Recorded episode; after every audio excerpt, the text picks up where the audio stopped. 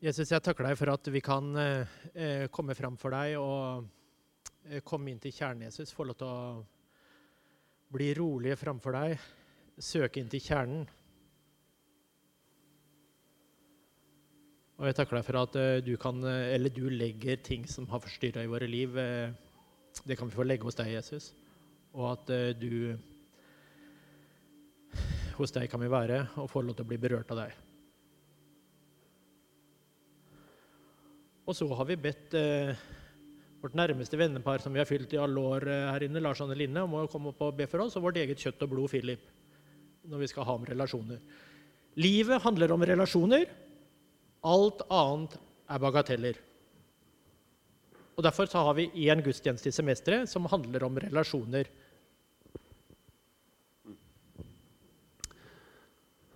Ja, kjære Hellige Far. Du er stor, og du er mektig, og du er eh, full av visdom. Og vi lengter etter å få ta del i din visdom, og vi vet at du lengter etter å gi oss din visdom. I dag er det Ådel og Lars som har stilt seg villig for, framfor oss til å dele ditt ord om noe så viktig som vik, eh, sterke familier og sterke ekteskap. Og vi ber deg, Herre, om at de riktige ordene må komme fra Ådel og Lars sin munn, og vi ber om at vi må ha åpne hjerter som sitter og tar imot. Vi legger det i dine hender, kjære Jesus. Ja, takk, Hellige Far, for at vi kan komme framfor deg med alt. Takk for uh, at uh, ditt evangelium, de gode nyhetene om frelse, det er uh, ikke noe som bare handler om søndagen, men det handler om hele livet. Du setter oss fri på alle livets områder og gjør oss til dem du har skapt oss til å være.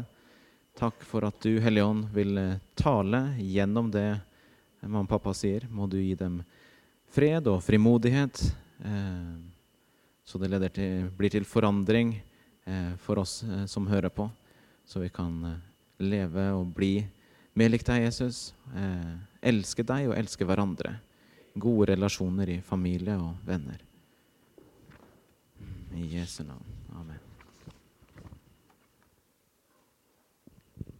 Odel og jeg vi er eh, like på mange områder, og så er vi forskjellige på en del andre områder. Eh, Odel liker eh, stort sett å være litt lenger oppe om kvelden enn meg. Jeg vil helst gå opp eh, litt tidligere, litt trøttere type.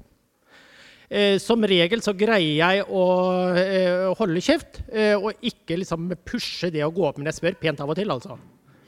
Men som regel så greier jeg det. Men når vi da endelig kommer på badet, da skjønner jeg at eh, nå, eh, nå er det ikke lenge før jeg kan eh, slappe av og legge meg og lese i senga.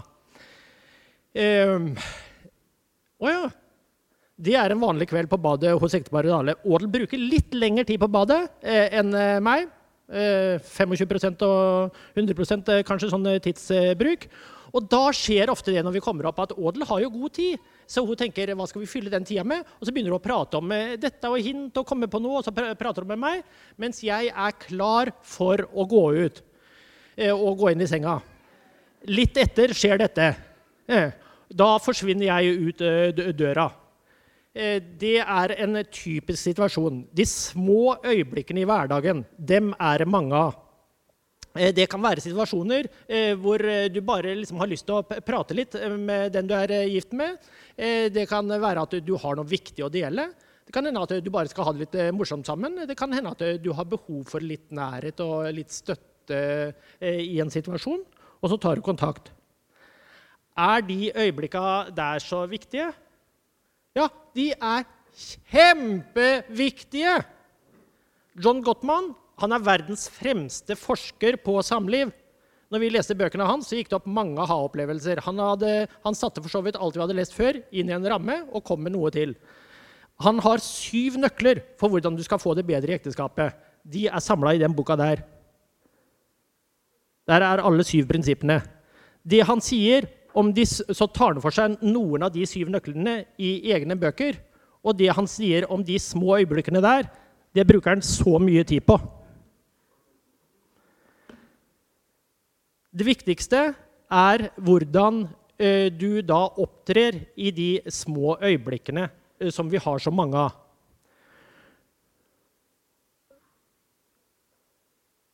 Der går det ikke an å gå bakover, da? Én bakover, Philip. Av teknikkens sverd, vet du. Ja. Der er den! Eh. For du kan si, I de øyeblikkene så kunne jeg vært irritert, rasa ut og smelt i døra. Eh, det er å snu seg momentant vekk eh, fra den som tar kontakt med meg. Eh, det gjør jeg ikke så ofte, altså smeller i døra. Men jeg er veldig ofte der at jeg står der. Da er jeg der, men jeg er ikke der. Jeg er ikke til stede, kan du si. Det er veldig forskjell på å være der kontra den der, da er jeg helt forsvunnet hvis jeg har kommet ut i neste. Er krevende. altså. Du får trykke, du, Philip. hvis Den ikke, denne virker ikke som den fungerer. Men det jeg egentlig skulle gjort, vet du, det var å gått inn på badet igjen og satt meg ned på badekarkammen og sett Det der var spennende, Odel. Hva er egentlig du tenker om det? Det er ikke mange ganger det skjer, altså. Eh, eh, men det er det Gottmann kaller å ja, Det er det han kaller å snu seg til, snu seg mot den andre. Eh, det er de små øyeblikkene i hverdagen. Det å være klar over hvor mye de øyeblikkene betyr, det er en aha-opplevelse. Det er lett å ta tak i, og hvis du begynner å ta tak i dem, så får du en stor forandring i forholdet ditt. Vi skal prate om to ting i dag. Én vanskelig og én lett. Dette er den lette. Eh, snu deg vekk. Helt passiv er der, men er ikke til stede. Snu deg mot. Du må være klar over hvor mye det betyr. Og hvis du er i tvil om dette har betydning, så test det ut. Um, så kan du si at uh, dette skal jeg fint greie å uh, uh, ta tak i. Men for de som ønsker en litt mer utfordring, så kan vi ta en annen situasjon. det er når da den ene roper Ah, 'Jeg er så drittlei at du slenger fra deg det treningstøyet ditt bare inn på vaskerommet når du kommer hjem.' 'Kan ikke du ta og døtte det opp i uh, skittentøyet med en gang?' 'Jeg er ikke mora di heller.' Eh, det kan jo være en variant av et sånt øyeblikk også.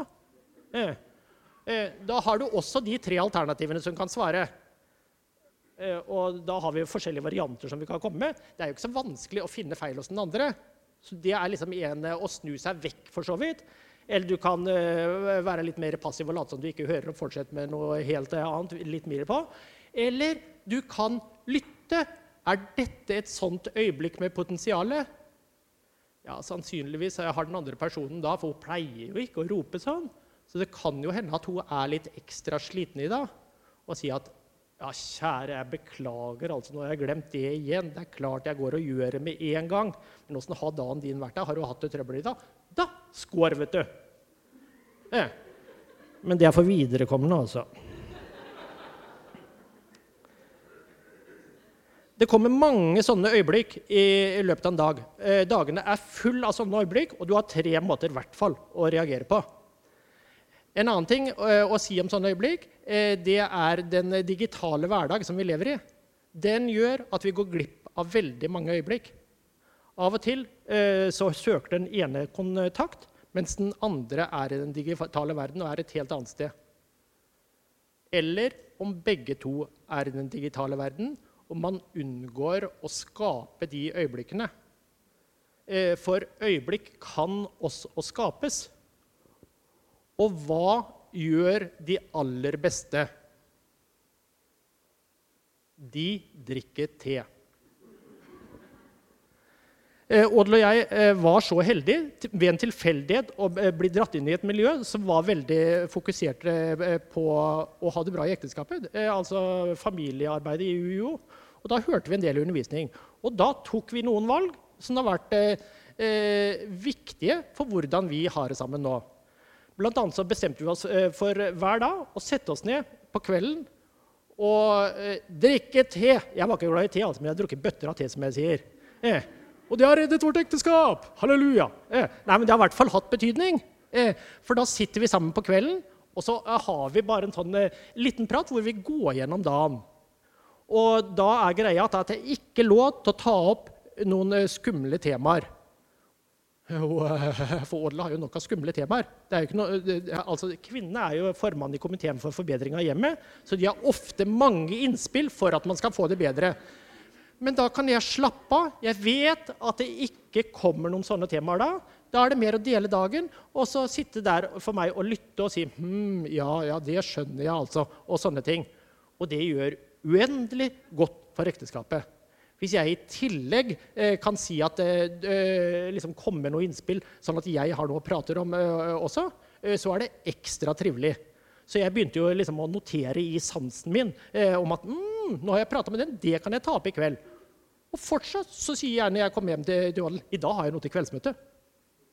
Mm. Og så beriker det våre liv når vi kan dele litt av hverdagen sammen. Og særlig hvis det kanskje altså En ting er når det angår hvert vårt yrkesliv. En annen ting er eh, hvis det angår menighetsliv eller med venner og sånn. Eh, det binder bånd eh, sammen.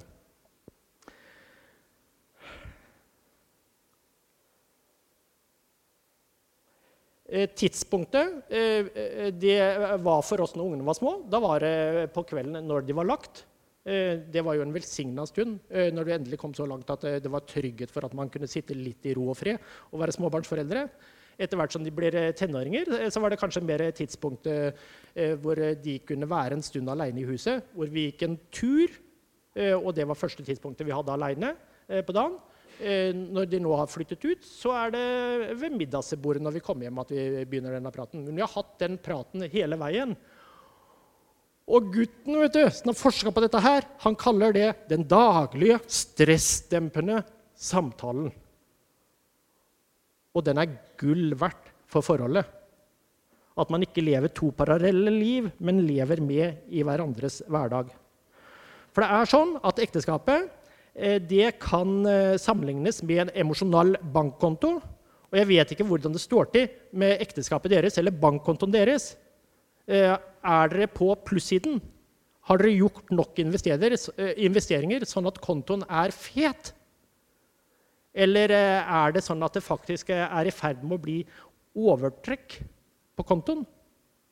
At dere er på minussida? Og du kan si at hvis du er i ferd med å måtte søke utvidet kreditt, mm, da kan det være lurt å prate med noen. Det var den enkle tingen. Vi kommer tilbake til den vanskelige. Eh, her på mølla så eh, prøver vi å bygge en kultur for å dele litt av hverdagen og livet med hverandre. Det er ikke så farlig, vet du. Så nå har vi bedt eh, Anne Marte om å dele litt av livet til seg og Kenneth. da.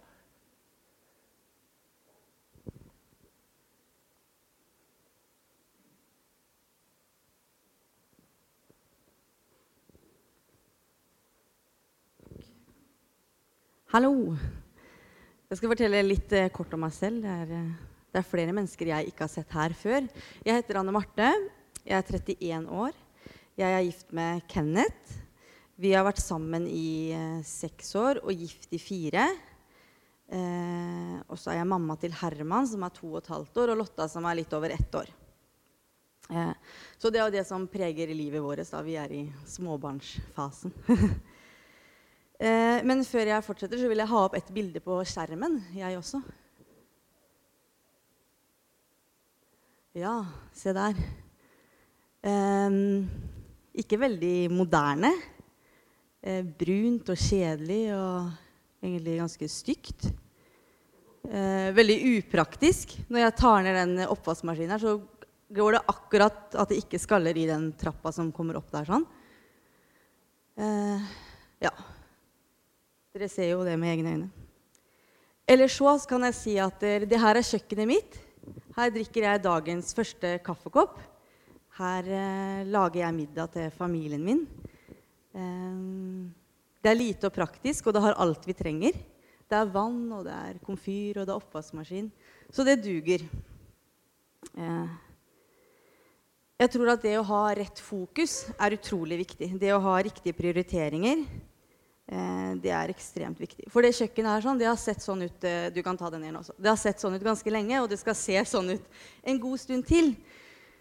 Sånn at hvis jeg snakker stygt om det, offer meg og erger meg, så fyller det hodet mitt, det fyller hjertet mitt, og det fyller hjemmet mitt med dårlige følelser. Um, og det her er jo en veldig sånn konkret ting som alle kan se og ta og føle på. Men sånn er det jo med livet vårt også. Fasene vi er i, periodene vi er i, ting vi går igjennom av livskriser.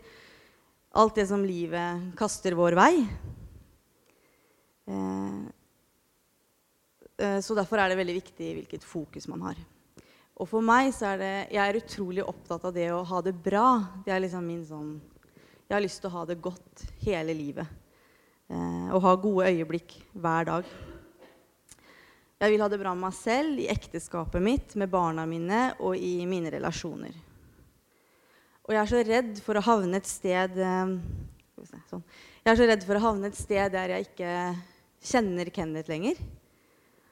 At ikke jeg føler at det er eh, oss to. At vi har flere dårlige dager enn gode dager. At når det hektiske småbarnslivet og familielivet er eh, over, så vet ikke vi hvem hverandre er igjen når det bare er oss to. Um, men jeg tenker at det er jo ikke den verste frykten å ha og eh, verste drivkraften å ha for å ta gode valg og prioritere retta. Um, sånn som livet vårt er nå, så er det, det er våkenetter, det er trassalder, det er grining, det er stress, det er klin, det er rot. Det er konstant noen som krever min oppmerksomhet, roper navnet mitt, tar på meg, ikke minst. Ja, det glemte jeg å si. Jeg går hjemme med to små barn. Jeg har gått hjemme i to og et halvt år, og jeg skal gå hjemme ett år til med begge to. Så det er jo en sånn jeg, Det er liksom jobben min. Og da når de begynner i barnehage høsten 2020, så har jeg vært hjemme i tre og et halvt år.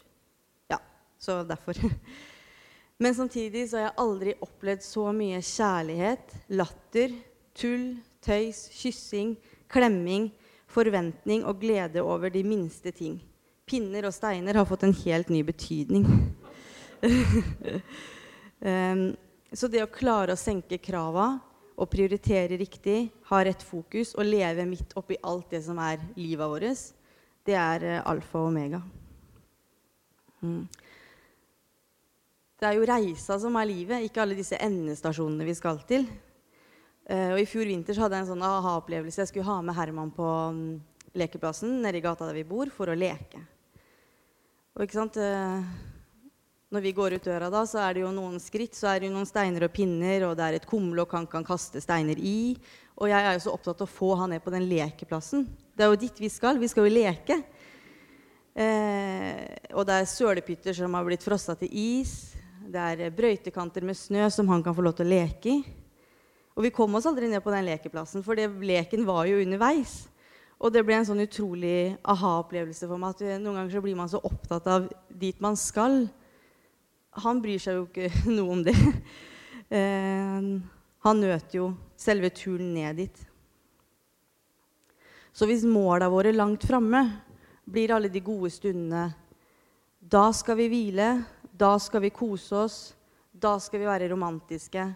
Da får vi tid til å leke og hygge oss. Jeg tror at det, det viktigste målet må være reisa gjennom livet.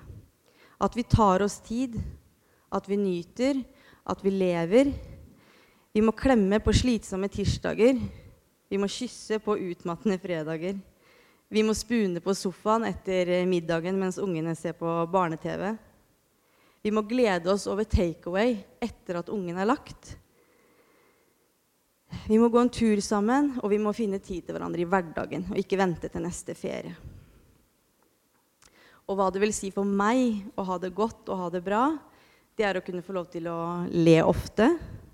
Det å kjenne at jeg er glad i Kenneth. Det å føle meg trygg.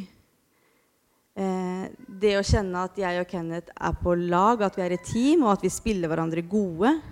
Det at vi kan sende hverandre gode smil og blikk. Eh, så da har man jo noe å jobbe med. og så har jeg lyst til å komme med noen sånne praktiske ting som jeg har gjort, og som vi gjør.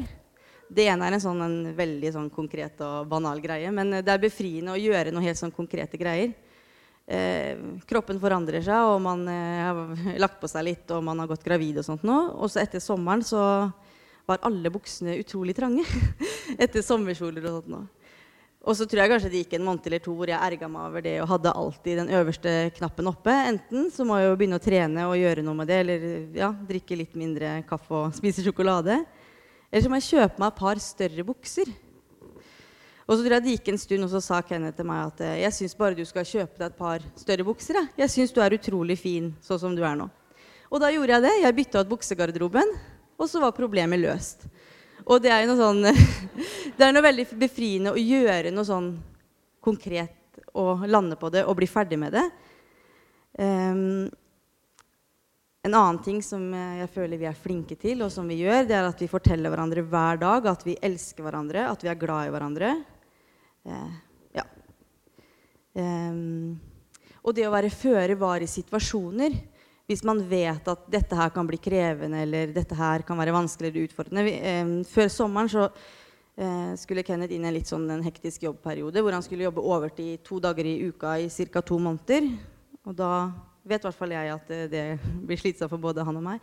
Og det å kunne snakke om det på forhånd, at nå kommer det til å bli hektisk, det her kommer til å bli slitsomt, nå må vi være gode mot hverandre, vi må være rause med hverandre. Eh, og vi må passe litt ekstra på hverandre. Da har man liksom tatt litt den brodden av eh, ja, det som allerede kommer. Eh, og ikke minst det å ville hverandre godt. Snakke godt om hverandre. Ord skaper. Eh, så det er utrolig viktig. Eh, det jeg tenker og uttaler om Kenneth, det fyller også hjertet mitt. Å være rause med hverandre. Eh, og så er jo ikke vi perfekte eller på ingen måte helt like. Sånn der, men det at man kan la forskjellene bli hverandres styrker, da, at man kan spille på lag med hverandre En ting som Kenneth er veldig flink til, han er flink til å koble av og på en måte sette seg ned og hvile selv om det er kaos og ting og tang rundt. Jeg er mye mer sånn som vil ha ordna og rydda og alt på stell, og så kan jeg slappe av. Men det funker jo ikke. sånn den jobben blir jo aldri ferdig. Så det at jeg kan dra nytte av at han kan si til meg at nå setter vi oss ned etter middagen, og så rydder vi etterpå. Så stritter jo det litt sånn imot min kropp, men jeg har veldig godt av det. For uh, kroppen er sliten, og da er det fint å slappe av.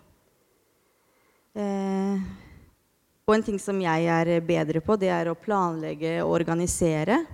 Og da kan jo man bli frustrert over at den andre ikke er som meg.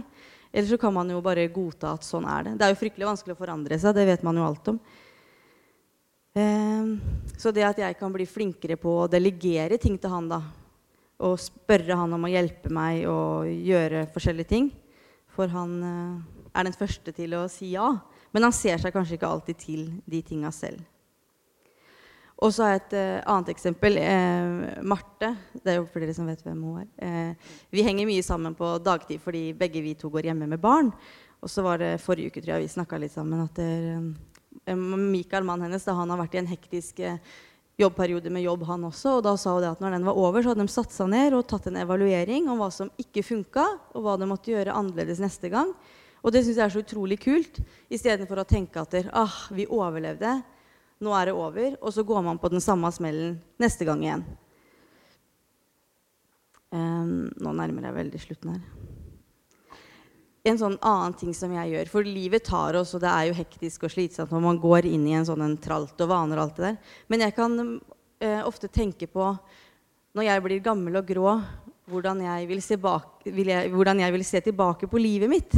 Og det er en sånn god reflektering som kan sette litt nytt fokus på ja, på hvor jeg er i dag, og hvordan jeg skal leve fram til det. da. Eh, jeg tror ikke jeg kommer til å sitte og tenke at du skulle ha jobba mer. Eller eh, du stressa for lite. Eh, du støvsugde ikke ofte nok. Eh, ja.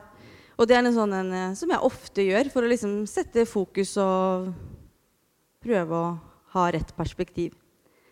Um, også en annen ting som jeg er utrolig takknemlig for, og som jeg tror er veldig viktig, det at man kan få lov til å leve ærlige og ekte liv. Og da mener jeg ikke at uh, alt må på Instagram, for jeg har uh, ingenting der om uh, møkkete kjøkkenbenker og sånne ting. Men det å kunne leve ærlig og ha mennesker i livet sitt som man kan åpne seg opp for, og som kan snakke direkte til deg og korrigere deg, som ikke bare er med på jattinga og sytinga, det er utrolig viktig. Det å ha noen som som kan gå med en og sammen med en. Eh, og ikke minst når ting er vanskelig, det å være tidlig ute med å oppsøke hjelp eller prate med noen. Det er jo mange her som har uh, vært gift mange, mange, mange år. Mer enn det vi har. Så jeg har skikkelig troa på at vi kan få lov til å leve gode og lange liv sammen. Mm. Det var det jeg hadde.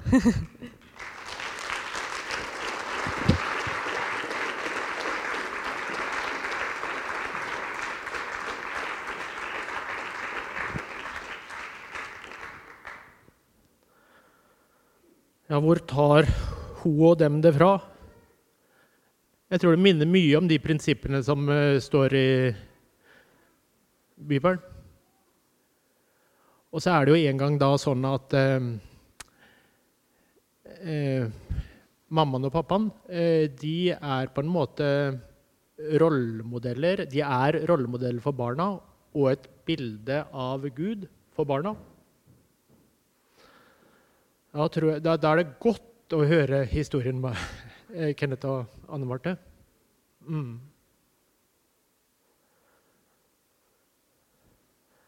Hva er det som er viktigst for å ha det bra i ekteskapet? Er det alle de små øyeblikkene i hverdagen? Eller eh, er det eh, å komme seg vekk litt og ta en storbyviken sammen og ha litt tid.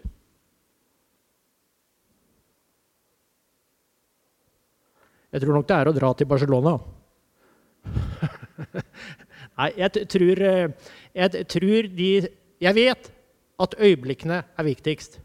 Men det er ålreit å liksom sette av litt kjærestetid og gjøre litt sånn kos innimellom også. Eh, litt piff.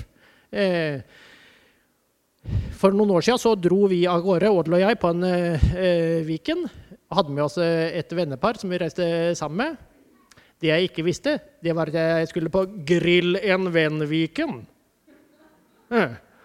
Og det som jeg ikke visste, det var at det var jeg som skulle grilles. Så det var på lørdagskvelden. Vi hadde hatt et deilig måltid og kosa oss ordentlig. Og så eh, lå vi og sløva i noen eh, sofaer og eh, prata sammen. Og så kom det opp noen temaer som jeg hadde ganske klare og tydelige meninger på. Det var for så vidt Det var kristen begrunnelse for de standpunktene jeg sto på. Og så var det sånn at Odel hadde litt annen vektlegning på, på dem, som, det temaet som vi da hadde oppe. Og det opplevde jeg veldig frustrerende. Jeg husker jeg sa til Odel du må mene det samme som meg om dette her. Vi som står sammen og forkynner på dette temaet land og strand rundt. Og så er det da det andre paret eh, som eh, sier at Lars, du er så svart-hvitt. Du står alltid på dine ting. Du kan ikke fire. Du må høre litt på Ådel også, vet du. Det er ikke sikkert at det er akkurat sånn som eh, du sier at det er. Og det sa han som jeg egentlig regner som en av mine aller beste venner. Det var grilling. Det var tøft, altså. Men jeg skal si dere at eh, Ådel, spesielt for Ådel, da, men eh, som en konsekvens av det også for meg, Eh, det er en eh, kveld eh, som er en før og et etter i vårt ekteskap. Evnen til å la seg påvirke.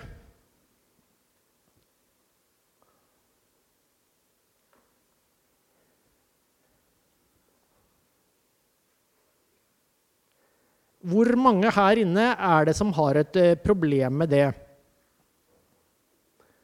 Eh, hvis vi deler i kjønn da først, eh, og eh, tar mennene først, så kan jeg si det at eh, det er 15% av dere menn som ikke har noe problem med dette her. Men det er 85% av dere menn som er her inne, som har et problem med det. Mm. Da kan det stritte imot eh, eh, i en del av mannfolka her inne nå. Men eh, altså, jeg, jeg sier det, dette er verdens fremste forsker som har forska på samliv. Han sier det, dette her. Så kan det hende han bommer, og at det faktisk er 90% av dere menn. Den hadde dere ikke tenkt dere. Jeg tenkte jeg sa 65, dere. Eh, så, men i hvert fall så sier han det at eh, Jeg tror det er lurt at alle vi mannfolk tar og ransaker oss og kjenner etter eh, om vi egentlig har litt vondt for å la oss påvirke. Det kan henge sammen med noe som vi tror eh, Bibelen har en ordning på. At eh, faktisk, eh, hvis det er eh, en avgjørelse som skal ta i familien, og det er litt vanskelig å ta den, så ender det opp etter en dyp og god samtale hvor begge parter er blitt hørt til endes, at det er mannen som må ta det endelige ansvar og stå for det. Etter å ha hørt sin kone til bånds. La oss si det så tydelig. Men det står det om i Efeserne 5, så kan dere lese det. Så der kan litt av den greia være med det, dette her med, med påvirkninga. Det er en utfordrende sak.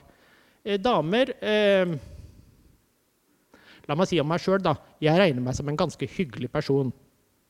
Eh, at jeg er omgjengelig og ganske relasjonell. Jeg pleier å si at eh, jeg har alltid sagt fram til den kvelden at jeg er ganske grei, bare jeg får det som jeg vil. Men eh, jeg har egentlig alltid hatt lett for å ta en eh, bestemmelse og si at eh, jeg tror vi gjør det sånn. Eh, jeg kan ha, ha en tendens til å være veldig tydelig og, og, og dra ting igjennom. Det kan hende at det er noen damer som sitter på disse gudgitte, gode egenskapene, som er veldig nyttige i noen sammenhenger. Men det kan også være at de slår feil ut i noen relasjoner. At man da ikke, som jeg, ikke lytta til og lot meg påvirke sånn som jeg burde gjøre i, i forhold til odel i ekteskapet. Det har gjort at jeg formulerer meg på en annen måte eh, når jeg underviser. Eh, så langt jeg ser det, så tror jeg at det er sånn. Det er veldig forskjell på å si det og si at det er sånn. Og så får eh, Den hellige ånd gjøre jobben og skorte på min manglende kunnskap og visdom, og så åpenbare inn i hvert enkelts liv. Eh, hvordan er det med dere i deres forhold? Er dere i balanse på dette her? Det lureste må vel da være å spørre i en nådestund sin ektefelle eh, har jeg vanskelig for å la meg påvirke. Og da kan det jo hende eh, at eh, da må du være åpen eh, for å høre hva den andre vil si. Og det har betydning det at man i ekteskapet har litt den innstillingen gi litt og få litt. Du må skape en vinn-vinn-situasjon. For som regel så er det gode input fra begge hold, så man kan komme opp til noen bedre konklusjoner totalt sett. Da. Og dette må la seg påvirke, det er en holdning. Det kan læres, faktisk. Så du kan velge å gå for det eller ikke. Og det er noe med, liksom, å bli bevisst på dette her, og så begynne å jobbe med det, og så endre seg. Det er en prosess.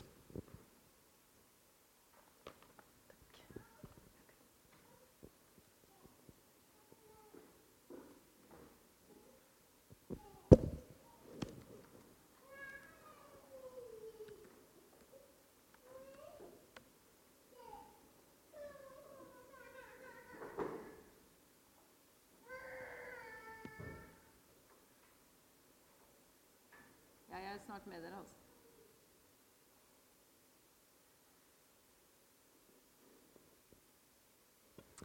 Ja, Anne Marte og Kenneth, tusen takk for at dere ville dele fra hverdagen deres. Det er fantastisk å høre sånne praktiske tips. ikke sant? Eh, det er så bra å, eh, å få bare liksom noen nye ideer. 'Å ja, det kan vi gjøre.' Eh, det var smart. Så kan man lære av hverandre. Eh, så det er eh, tusen takk for at dere delte livet. Eh, og det er sånn at de tinga vi tar opp her Vi tenker jo at Gud er med, og i ordet hans så står det i ordspråkene 1815 Å ja, trykker du òg, Philip? vi trykker begge to, eller er det jeg som trykker for mye? I hvert fall her. Der står det et klokt hjerte kjøper seg kunnskap, de vises øre vinner kunnskap. Og vi vil vel være kloke. Nå er dere her, og det er så bra, så da ta med dere det som eh, dere kjenner at eh, dere skal ta med dere. Det blir veldig mange ting, kanskje, men eh, Gud han er jo en gentleman, så han er alltid sånn som banker på. Og det Han river ikke opp døra og tvinger seg inn, liksom. Så um, bare kjenne etter litt. Hva skal jeg ta med meg fra denne seansen her? Hva er det du vil at jeg skal kikke litt nærmere på, Gud? Og å frykte Herren, det er jo det som er begynnelsen til kunnskap, da. De dumme forakter formaning og visdom. Så hvis man tenker at nei, det var ikke noe å ta med seg her jeg, Det er vel greit, vel? Har vi det ikke sånn noenlunde greit, da? Bør vel ikke forandre på så veldig mye. Men uh, tør å ta den samtalen da, og høre med ektefellen din om hvordan var det her vi hørte i dag. Er det noe som Føler du at uh, du uh, At du blir lytta til?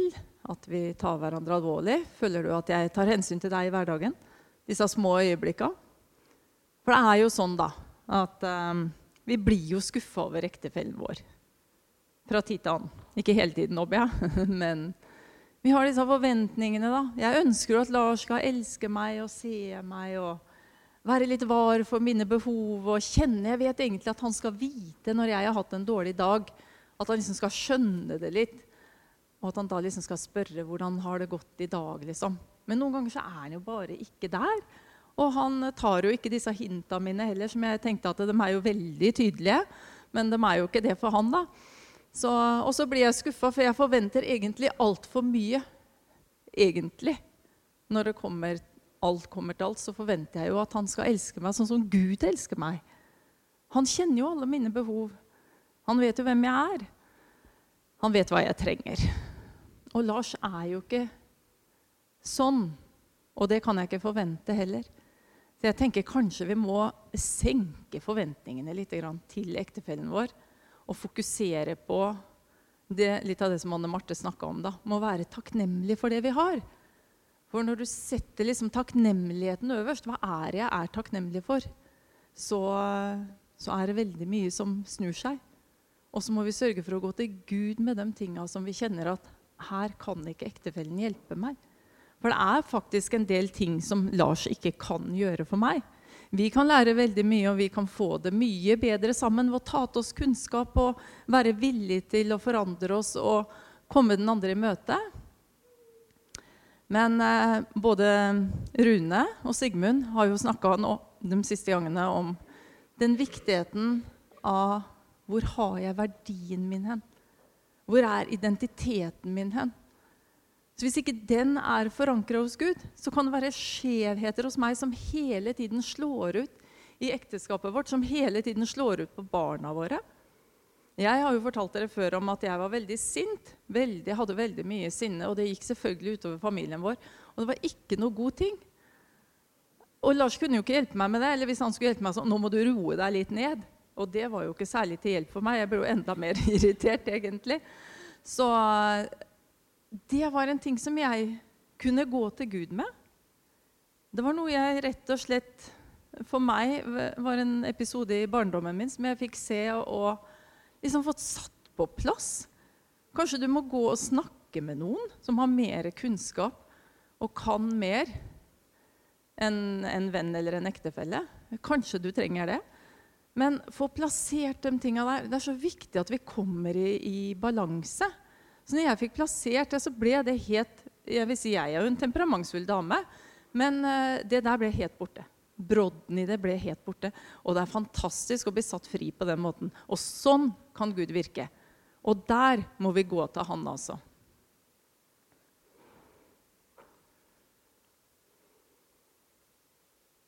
Men som jeg også sier da, vi blir jo skuffa. Og Paulus sier Det her har jeg ikke skrevet opp, men eh, Paulus er jo ganske klar. Han sier men de gifte kommer til å få vansker i livet, og det vil jeg gjerne spare dere for.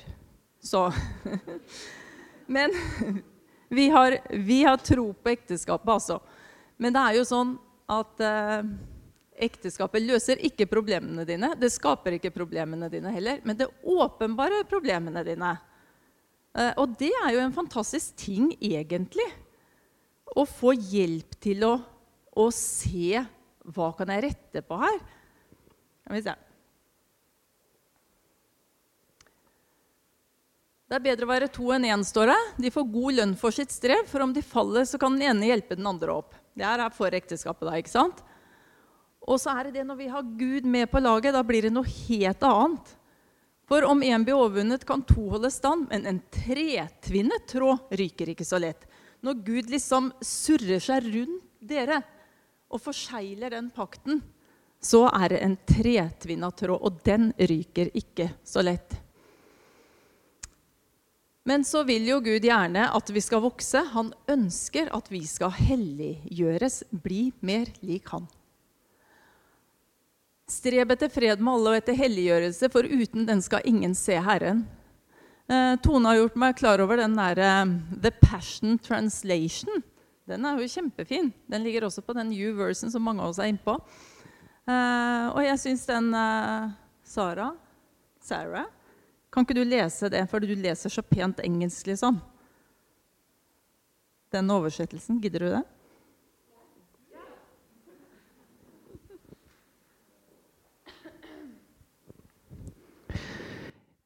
In every relationship, be swift to choose peace over competition and run swiftly towards holiness, for those who are not holy will not see the Lord.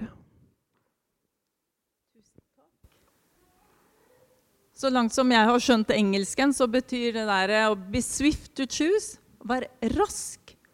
Vær rask til å velge Velg freden, da.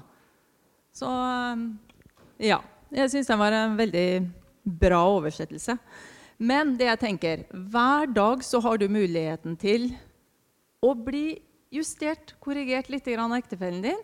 Du har også muligheten til å elske og beskytte og respektere ektefellen din. Respektere kommer respect, som betyr se på nytt. Noen ganger så er det kanskje den måten vi skal møte ektefellen vår på. Ah, 'Hva skjedde her? Hvorfor sa han det?' Kanskje jeg skal se på det på nytt, ikke bare tenke at jeg skal tolke det sånn. Men vi har den muligheten å bli litt slipt av hverandre.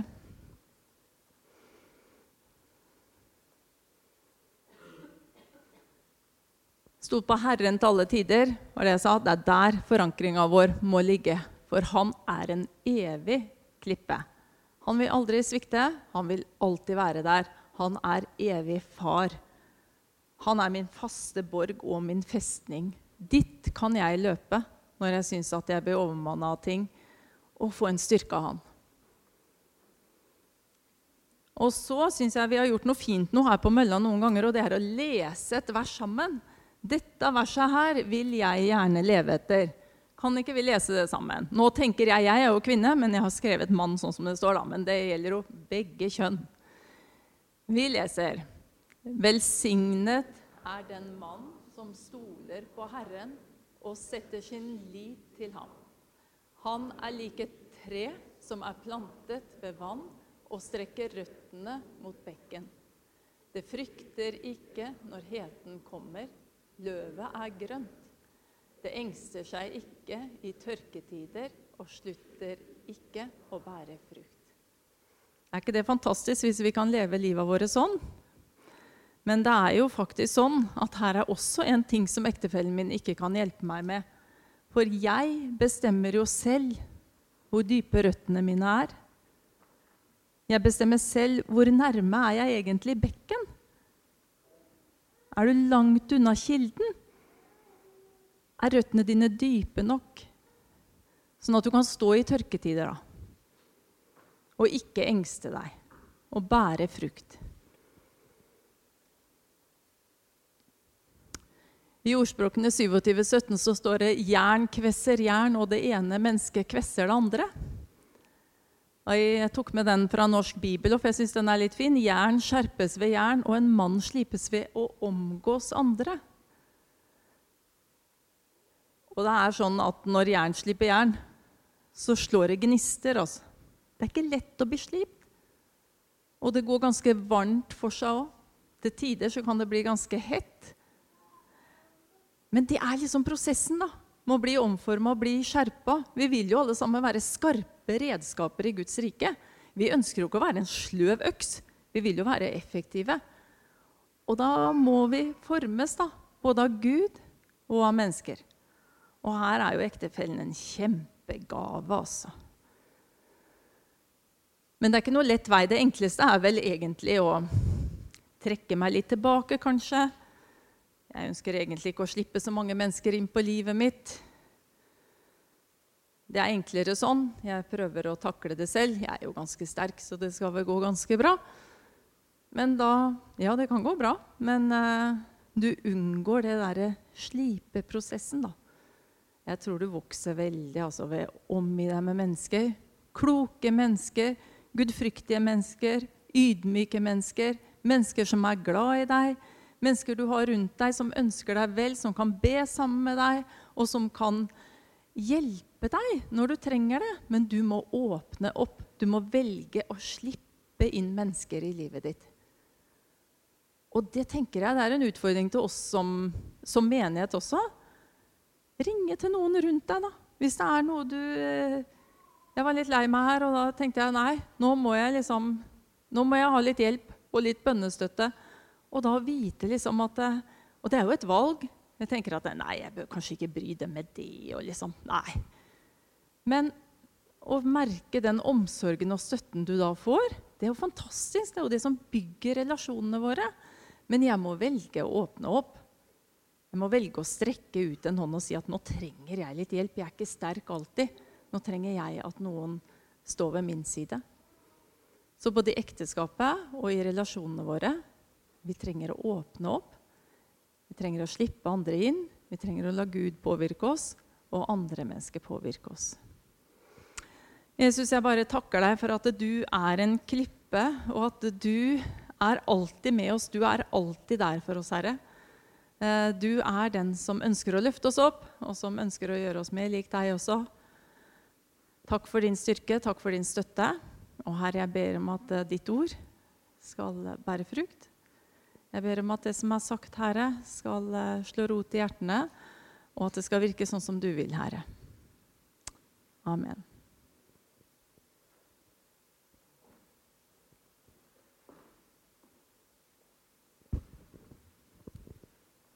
Det var dagens store som eh, ekteskap og relasjoner. Eh, det står jo ikke så mye konkret så om det ekteskapelige samlivet i Bibelen.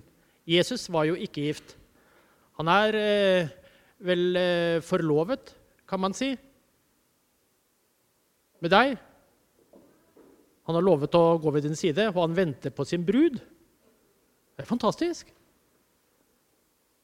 Så en gang skal jo det store bryllup stå. Det er sterke bilder. Eh, men det står jo litt om relasjonen han hadde til eh, eh, sine nærmeste. da.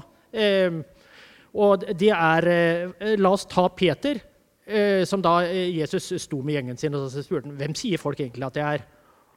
Og så er det Peter Du er den levende Guds sønn!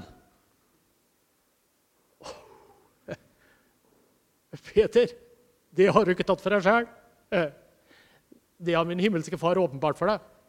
Sånn. Gikk det litt tid da i relasjonen, og så uh, sier uh, Peter uh, noe annet. Og så sier jeg 'Vik bak meg, Satan!' Så det var ganske heftig i relasjonen mellom de nærmeste der også. Det svinger litt i hverdagen mellom kyss og surhet og grinete og 'jeg elsker deg' og 'du er en klyse'. Det kan liksom være varianter. Eh. Men da er det de små øyeblikkene i hverdagen, og det er det å la seg påvirke. Eh, eh, jeg skal følge deg, jeg skal ikke svikte deg, Jesus. Jeg skal stå ved din side. Om alle de andre går, så kommer jeg til å bli der. Og så kommer det et blikk fra Jesus til Peter. Og så tar det hjertet til Peter, som han går ut og gråter inderlig, for han lot seg påvirke. Og så kom Jesus tilbake til ham, og så sa han, 'Jeg har sagt til deg at jeg skal bygge min kirke på deg. Fø mine lam. Nå drar jeg. Du er klar. Jeg kommer til å være der med Den hellige ånd i livet ditt. Jeg er med deg. Men du lar deg påvirke. Du tar vare på øyeblikkene. Og noe av dette er vi skal hente ut i ekteskapet også. Den viktigste personen i ditt liv, det er deg. Det er kona di. Det er alle menneskene du treffer, og det er Gud. Det er bare Gud som er Gud. Alt annet er avguder. Men så har han sagt at eh, det du gjorde mot en av mine minste, det gjør du også mot meg. Så det er kjærligheten det dreier seg om i alle aspekter. I ekteskapet, i vennskapsforhold, i jobb. Vi må ta det ut i praksis. Vi møter Jesus i hvert eneste menneske. Og Jesus har lovt å endre oss for at vi kan fylle den rollen. Han er kjærligheten som forandrer oss. Amen.